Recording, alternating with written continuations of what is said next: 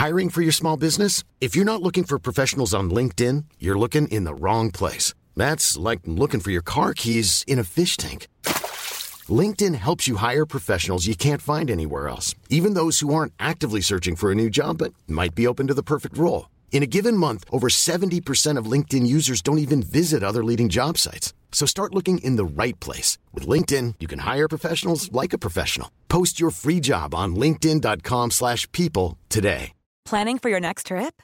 Elevate your travel style with Quince. Quince has all the jet-setting essentials you'll want for your next getaway, like European linen, premium luggage options, buttery soft Italian leather bags, and so much more. And is all priced at 50 to 80% less than similar brands. Plus, Quince only works with factories that use safe and ethical manufacturing practices.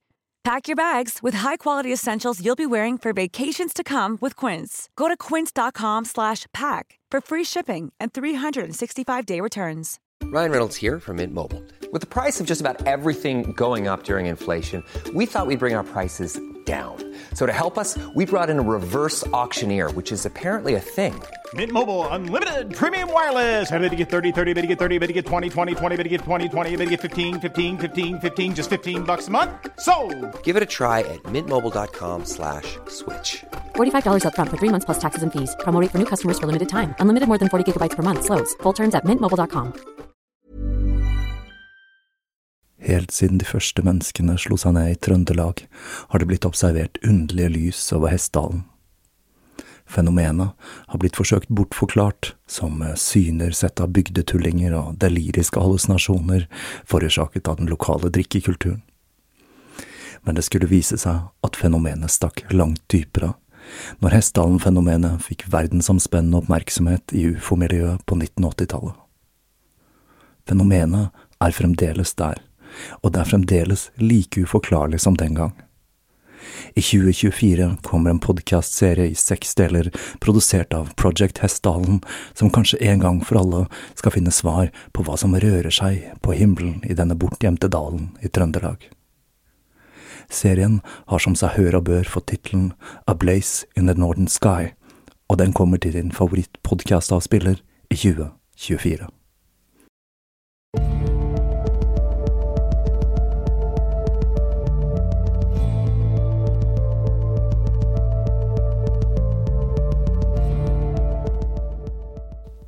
Hei og velkommen til Tåkeprat.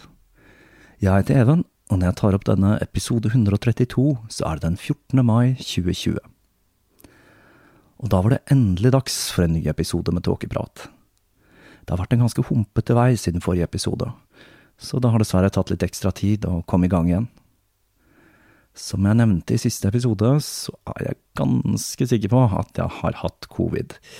Jeg lå i hvert fall nede med hva jeg vil kalle for en virusrulett med symptomer, hvor det ene symptomet ble avløst av det andre. Og jeg kan ikke si annet enn at det heller føltes ganske sketchy, spesielt siden jeg måtte isolere meg etter først å ha hatt en lang periode med sosial distansering. Jeg tenker kanskje det for øvrig er mer riktig å bruke fysisk distansering, for vi har jo klart å sosialisere oss på litt andre måter. På toppen av det hele så fikk jeg, som så mange andre, et varsel om oppsigelse og den kom midt under sykdomsforløpet, så da fikk jeg brått litt ting å tenke på. Heldigvis ble jeg tilbudt en redusert stilling, men det er klart, med den typen assistentstilling som jeg har, så går jeg en økonomisk vanskelig høst i møte. Det positive med dette er at jeg kommer til å få mer tid til å jobbe med podkasten. Og kanskje jeg til og med klarer å gå i pluss med tåkeprat. Jeg kan jo si at Tåkeprat AS gikk kraftig i minus i fjor. Og selv om jeg elsker podcasting, så er det noe som kan være litt utfordrende med tanke på redusert inntekt. Men det løser seg sikkert på et vis. Nå ser jeg bare fram til at ting blir litt mer normalt igjen, og at jeg får jobbet meg gjennom en ny serie med episoder.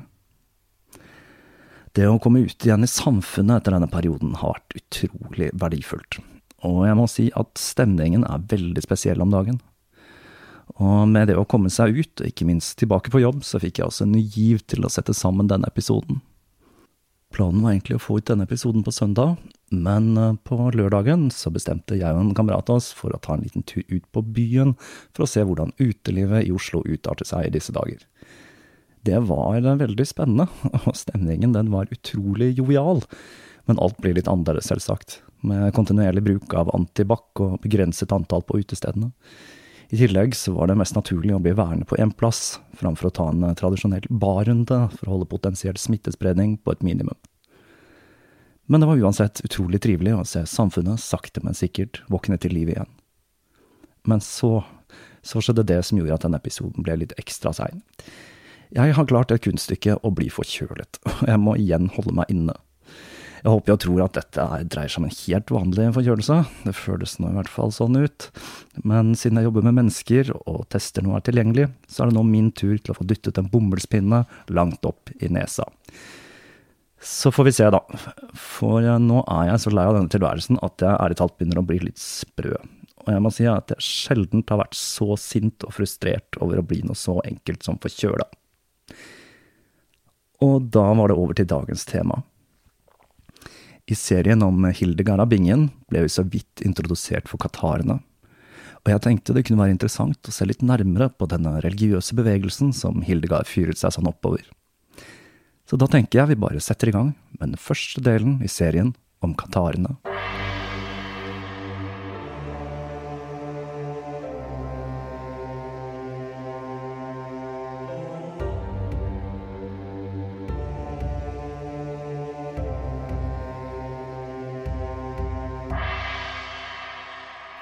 Historien vår starter når middelalderens lange natt la seg over et Europa der kirken så seg selv truet fra to kanter. Den ene var hunderne, som hadde begynt sine invasjoner i det fjerde århundret. Hunderriket, hvis siste leder var den ikke helt ukjente Attila, var svært fryktet i hele Vest- og Øst-Romerriket. Den andre trusselen var den nye religionen islam, som begynte å spise seg innover kristne territorier. Samtidig opplevde kirken selv splittelse og Balkan ble en religiøs slagmark mellom Roma og den ortodokse kirken i øst.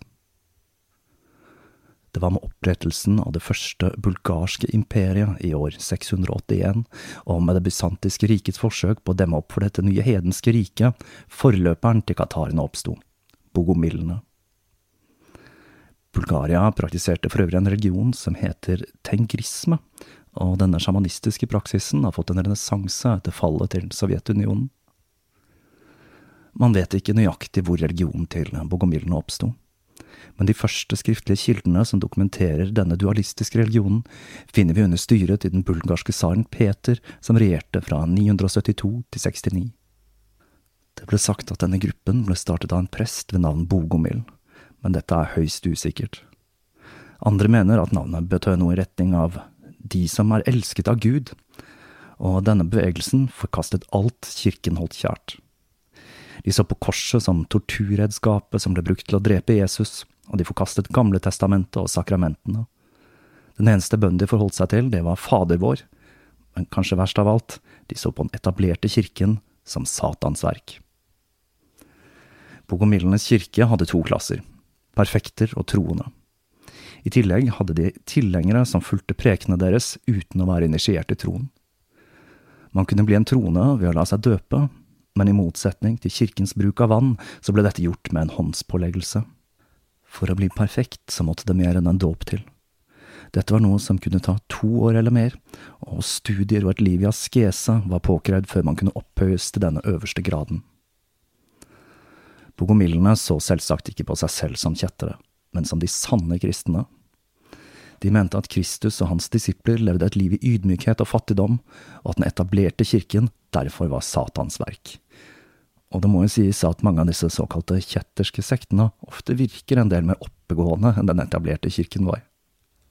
Når man først skrev om bogomillene under tsar Peters styre, så var de allerede en godt etablert og voksende gruppe. Og vi vet ganske mye om læren deres, da en av gruppens fremste ledere, Basil, ble invitert til den bysantiske keiser Alexius Komnenus, som fortalte at han var interessert i troen til gruppen, i ca. år 1100. Basilene dro til palasset og fortalte hovedtrekkene til religionen, før Alexius dro til side et forheng og viste at han hadde hatt en skriver sittende der, som hadde skrevet ned alt Basil hadde sagt, før han ble satt i husarrest og forsøkt omvendt. Mens han satt i husarrest i palasset, så ble det rammet både av et regn med steiner og et jordskjelv, og Alexius' datter Anna mente at dette var et tegn på at djevelen var sint fordi hans barn, Bogomillen altså, avslørte hans hemmeligheter. Basil nektet å la seg konvertere, og han endte sine dager på bålet. Men til tross for Alexius' iherdige forsøk på å bremse dette kjetteriet, så fortsatte Bogomillen å vinne nye tilhengere til sin dualistiske, gnostiske tro. Katarene dukker først opp i historien i år 1143, når Bernard av Clairvaux mottok et brev om at to nye kjetterske sekter var oppdaget i nærheten av Køllen. Denne Bernard han husker vi fra serien om Hildegard, som han Hildegard henvendte seg til for å få aksept for visjonene sine første gang. Og han skulle også ende opp med ganske dårlig rykte på grunn av utfallet til det andre korstoget. Han kunne lese at en av disse gruppene hadde blitt avslørt da de hadde begynt å krangle om et poeng i den kristne doktrinen, og de hadde blitt arrestert og fraktet til biskopen i Køllen for avhør. Det viste seg da at disse tilhørte et trossamfunn som var tredelt, og besto av klassene utvalgt, troende og lyttende. På samme måte som bogomillene så utførte de dåp og håndspåleggelse, og de tok avstand fra kristne doktriner og sakramenter.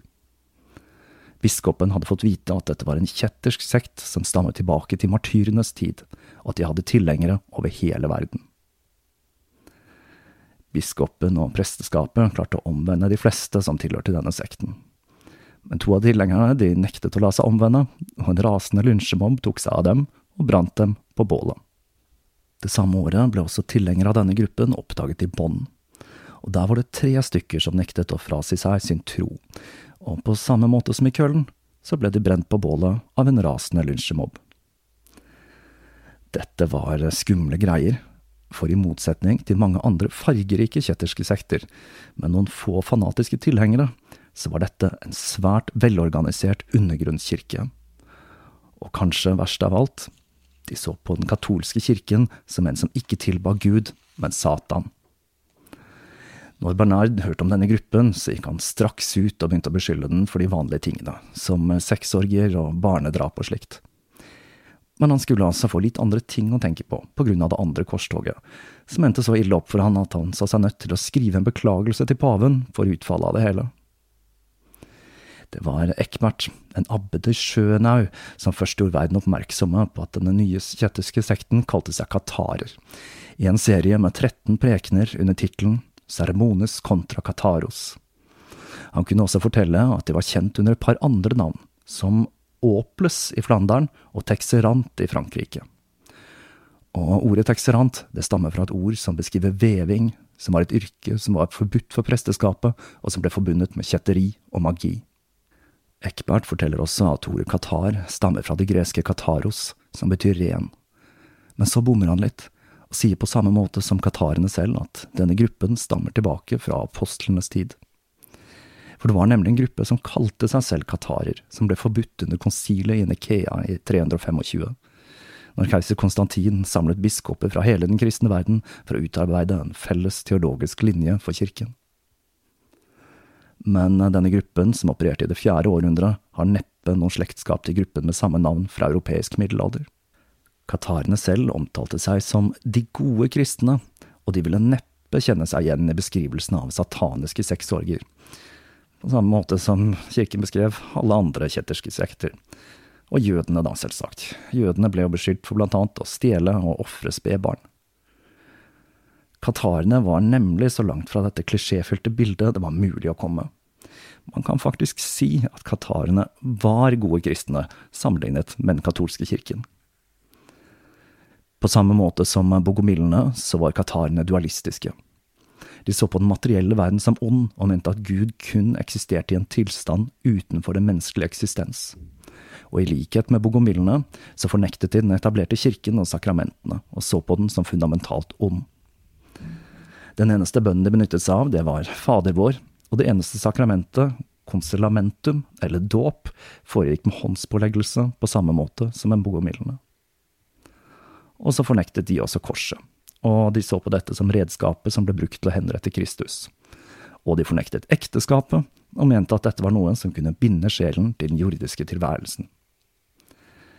For de to laveste gradene av katarsisme så var det ikke påbudt med en streng asketisk tilværelse, og man trengte ikke å avstå fra kjøtt, alkohol eller sex. Og disse troende utgjorde den største delen av bevegelsen, og de ble fortalt at de kunne leve i denne verden, men de så bare ikke på seg selv som en del av den. Perfektene, derimot, den øverste graden Selling a little or a lot? Shopify helps you do your thing however you cha-ching. Shopify is the global commerce platform that helps you sell at every stage of your business. From the launch your online shop stage to the first real life store stage, all the way to the did we just hit a million orders stage. Shopify is there to help you grow. Shopify helps you turn browsers into buyers with the internet's best converting checkout. 36% better on average compared to other leading commerce platforms because businesses that grow grow with Shopify. Get a $1 per month trial period at shopify.com/work. shopify.com/work. Hey, I'm Ryan Reynolds. Recently, I asked Mint Mobile's legal team if big wireless companies are allowed to raise prices due to inflation. They said yes. And then when I asked if raising prices technically violates those onerous 2-year contracts, they said, "What the f*** are you talking about? You insane Hollywood ass." So to recap, we're cutting the price of Mint Unlimited from $30 a month to just $15 a month. Give it a try at mintmobile.com slash switch. $45 upfront for three months plus taxes and fees. Promo rate for new customers for limited time. Unlimited more than 40 gigabytes per month. Slows. Full terms at mintmobile.com. katarsismen. De ble sett på som å være en legemliggjørelse av Den hellige ånd, og de var underlagt et strengt asketisk regime. Som jeg nevnte i episoden om Hildegard, så praktiserte de likestilling. Og de mente at kvinner hadde den samme muligheten til å komme til Guds rike som menn. Og dette er noe som skiller denne gruppen fra bogomillene. De så også på kirkebygg som helt ordinære bygninger, og de foretrakk å holde ritualene sine hjemme hos medlemmene eller ute i det fri. Propaganda mot katarene fra samtiden beskriver ting som hvordan katarene gjorde ting som å bryte seg inn i kirker for å gjøre fra seg på alteret, noe som vel er enda en av disse røverhistoriene om kjettere. Når kirken først ble gjort oppmerksom på katarene, så så det ut til at de dukket opp overalt. I 1165 dukket opp en gruppe i Lombers i Sør-Frankrike, og denne gruppen ble hanket inn foran ikke mindre enn seks biskoper, åtte abbeder, den lokale visegreven, og helt til slutt en av søstrene til den franske kongen, for å debattere troen deres. De hadde nok ganske sikkert hørt at deres trosfeller hadde blitt brent på bålet i Tyskland, og var svært forsiktige til å begynne med men etter hvert så gikk det ei kule varmt for en perfekt ved navn Oliver, som begynte å skjelle ut presteskapet, kalte dem hyklere og sa at de ikke var stort bedre enn en flokk med ulver.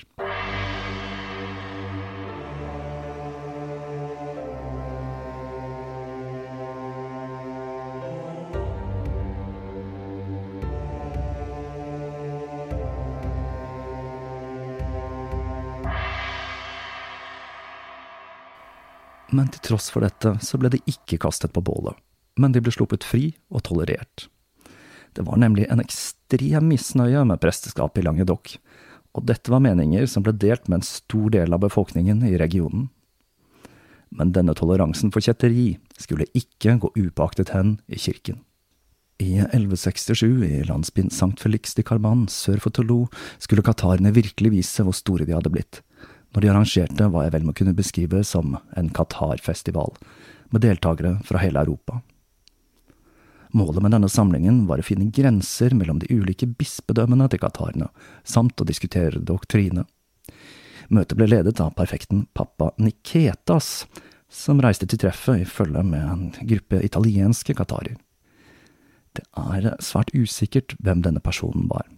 Pappa betyr jo pave, og det har blitt spekulert i om han var en av disse kjetterske antipavene fra Balkan som kirken var så redd for.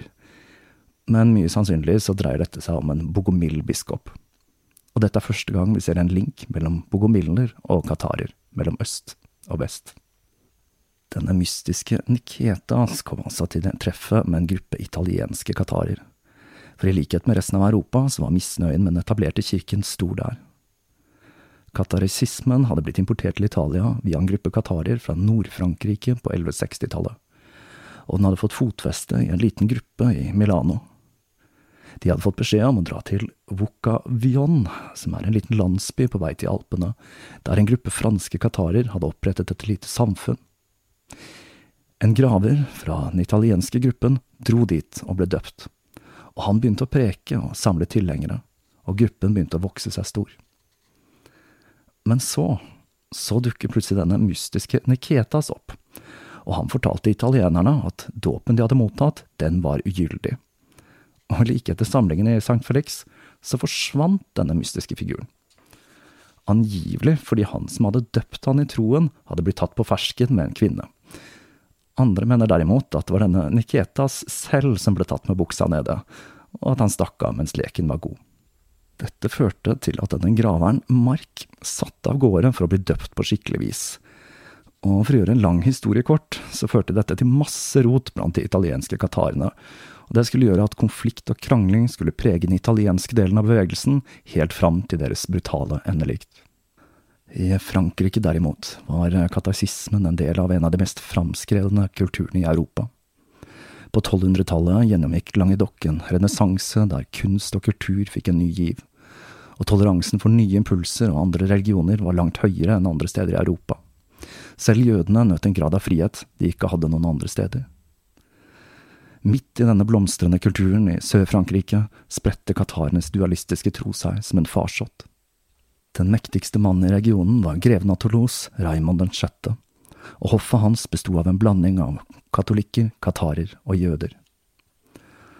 Kirken hadde en ekstremt lav status i regionen, og et ordtak i området var jeg vil heller bli en prest, når det var noe man ikke ville gjøre og Raymond han benyttet seg av kirkens lave status ved å pantsette eiendommene til kirken for å finansiere sine egne private kriger.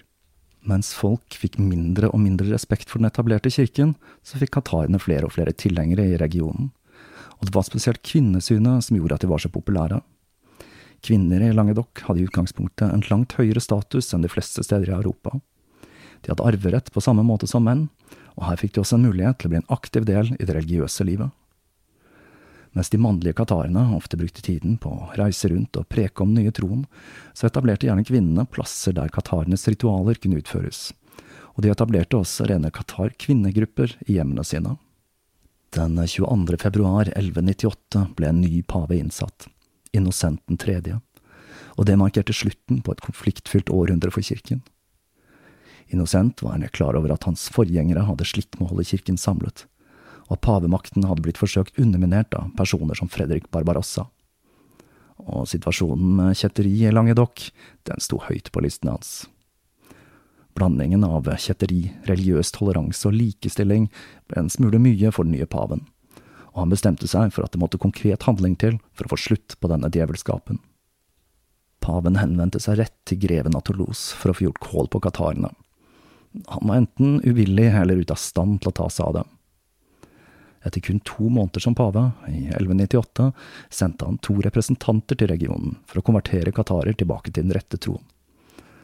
Og den 25. mars 1199 sendte han ut en pavelig bulle, Vegentis insenium, som sammenstilte kjetteri med bedrageri mot den romerske keiseren. Og straffen for denne forbrytelsen var at kirken beslagla all eiendom, og at man mistet alle borgerrettigheter, som rett til embet.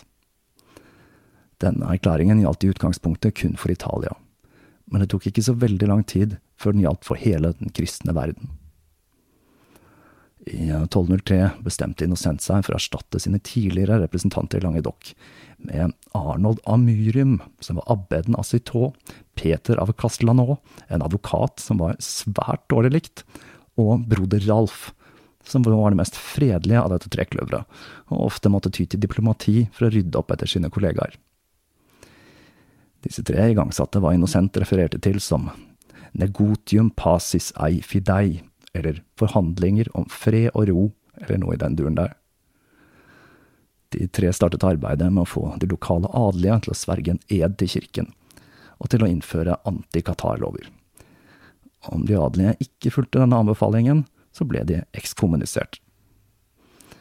Her er det kanskje også verdt å nevne at en ed i middelalderen er hva vi i dag ville tenkt på som en bindende kontrakt. Og det er veldig relevant når det gjelder katarene, for i deres teologi var det nemlig forbudt å sverge eder. Alle de lokale grevene sverget eden, inkludert Raimond Raymond den av Toulouse. Han var ikke så fornøyd med å underkaste seg kirken, og han gjorde akkurat det samme han hadde gjort med katarene fram til da, nemlig ingenting. De tre forsøkte også å debattere qatarene i offentlige debatter, hvorav den første ble holdt i Carcassonne i 1204. Men denne debatten gikk slett ikke som de hadde håpet på. Qatarene forsvarte teologien sin godt, og de endte ikke på bålet. Men det hele endte med at de tre fra kirken måtte forlate debatten i frustrasjon over ikke å ha fått banket igjennom poenget sitt. Etter denne debatten så ble pavens legater om mulig enda mer upopulære. Ingen likte dem, ikke minst katarene, som så på dem som Satans sendebud. Men også presteskapet fryktet at legatene skulle gripe inn og ta fra dem eiendom, og de adelige følte at dette var et unødig inngripen fra Roma. De tre reiste på kryss og tvers av Languedoc og kranglet med adelige og qatarer, men de kom ingen vei. Og i 1206 så bestemte de seg for å kaste inn håndkleet, fordi kjetteriet i regionen hadde dypere røtter enn de hadde regnet med. Så de tre bestemte seg for å endre strategi. De begynte å kle seg fattigslig, og arrangerte flere debatter, uten alle de kirkelige legaliene. Og med dette så klarte de faktisk å konvertere en håndfull qatarer. Men denne strategien ga heller ikke de resultatene de ønsket seg, og våren 1207 delte de tre seg opp. Peter dro igjen til Raymond 6. og spurte om han ikke kunne bruke leiesoldatene sine til å forfølge kjetter i regionen. Men som vanlig så nektet han, og Peter ekskommuniserte han på stedet. Og dette var faktisk andre gangen denne spreke franskmannen hadde blitt ekskommunisert, men det skulle ikke bli den siste. Stemningen mellom Peter og Raymond var opphetet, og forhandlingene brøt sammen søndag den 13. januar 1208. Dagen etter dro en rasende Peter tilbake til Roma, men han skulle aldri komme frem. Mens han ventet på en ferge, kom en maskert rytter ridende og hugg han i hjel med sverd. Hvem denne mystiske snikmorderen var, det er ikke kjent, men det spilte liten rolle. Nå var det krig.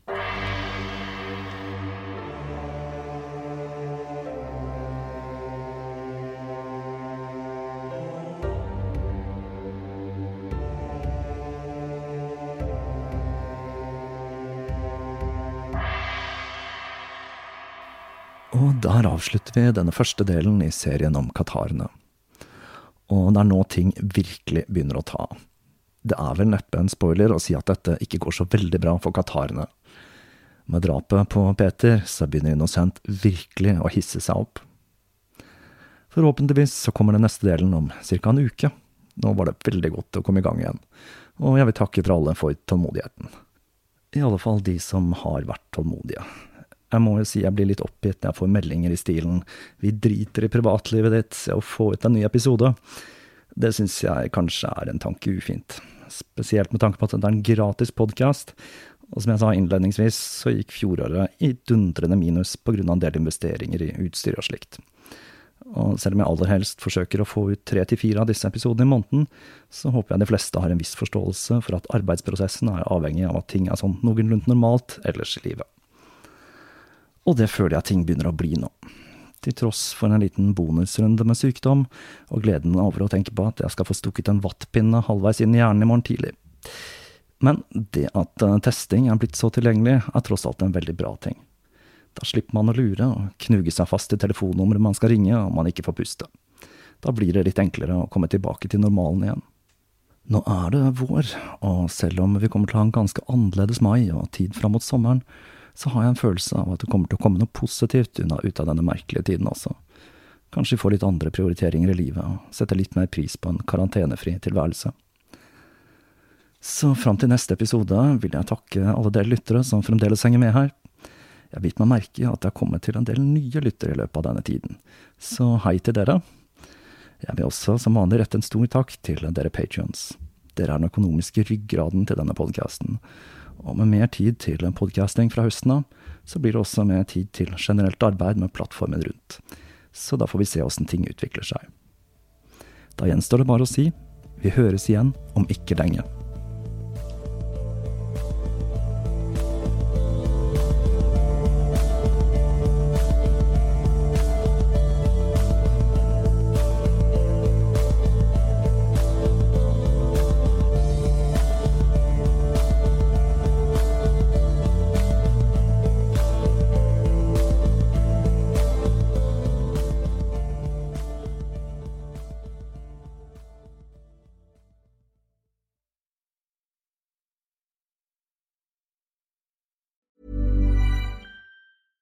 Selling a little or a lot? Shopify helps you do your thing however you cha-ching. Shopify is the global commerce platform that helps you sell at every stage of your business. From the launch your online shop stage to the first real life store stage, all the way to the did we just hit a million orders stage. Shopify is there to help you grow. Shopify helps you turn browsers into buyers with the internet's best converting checkout. 36% better on average compared to other leading commerce platforms because businesses that grow grow with Shopify. Get a $1 per month trial period at shopify.com/work. shopify.com/work. Planning for your next trip? Elevate your travel style with Quince. Quince has all the jet-setting essentials you'll want for your next getaway, like European linen, premium luggage options, buttery soft Italian leather bags, and so much more. And is all priced at 50 to 80% less than similar brands. Plus, Quince only works with factories that use safe and ethical manufacturing practices. Pack your bags with high-quality essentials you'll be wearing for vacations to come with Quince. Go to quince.com/pack for free shipping and 365-day returns.